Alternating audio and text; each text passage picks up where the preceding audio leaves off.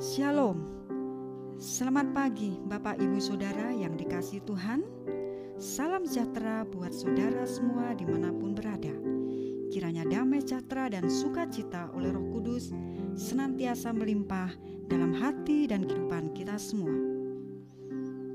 Tema penuntun hari ini adalah mengatasi masalah secara spiritual yang diambil di dalam ayat bacaan Roma 8 ayat 18 sampai 29. Roma 8 ayat 28 berkata, kita tahu sekarang bahwa Allah turut bekerja dalam segala sesuatu untuk mendatangkan kebaikan bagi mereka yang mengasihi Dia, yaitu bagi mereka yang terpanggil sesuai dengan rencana Allah.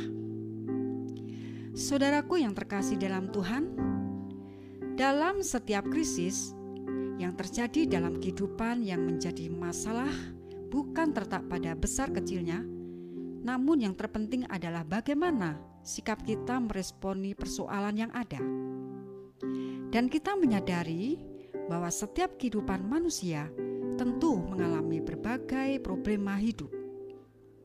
Mengapa Allah mengizinkan masalah terjadi dalam hidup kita, saudara? Yaitu yang pertama adalah Allah memiliki tujuan di balik masalah kita.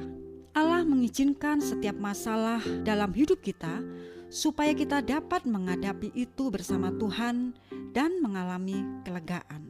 Adapun penyebabnya, tidak ada satupun masalah yang terjadi tanpa seizin Allah. Karena Allah adalah pemegang kendali tertinggi dalam hidup kita, saudara. Allah memiliki tujuan mulia dalam setiap krisis yang kita hadapi dan mendatangkan kebaikan bagi mereka yang mengasihi Dia di dalam Roma 8 ayat 28.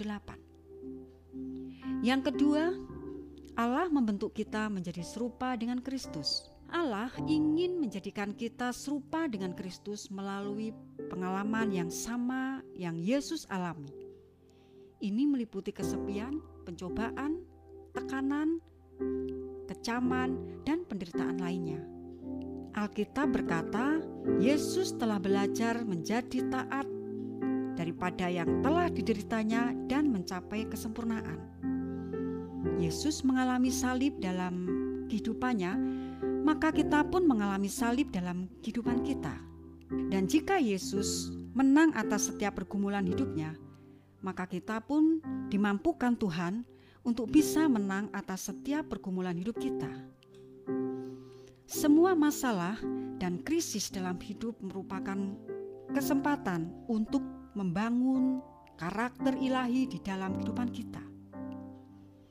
Bagaimana sikap kita dalam menghadapi masalah, saudara? Yang pertama adalah berdoa. Ketika masalah datang dan stres, menyerang, ingatkan untuk berdoa. Kita berdoa dan minta pertolongan Tuhan. Yang kedua, mengucap syukur. Tuhan mengendaki kita untuk mengucap syukur dalam segala hal.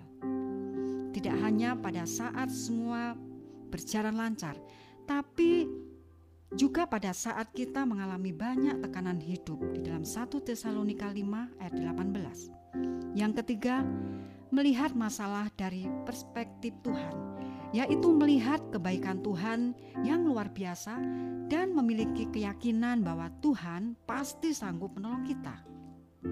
Keempat, persekutuan dengan umat Tuhan kita masuk di dalam komunitas seiman, saudara, seperti cool, sehingga mendapat banyak hal positif.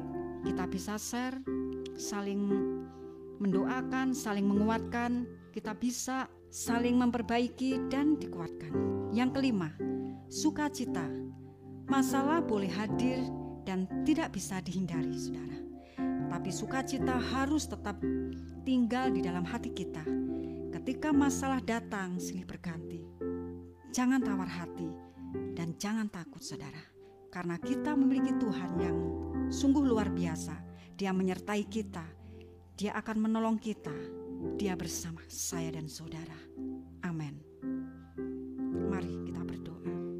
Tuhan terima kasih buat firman-Mu pada pagi hari ini Bapak.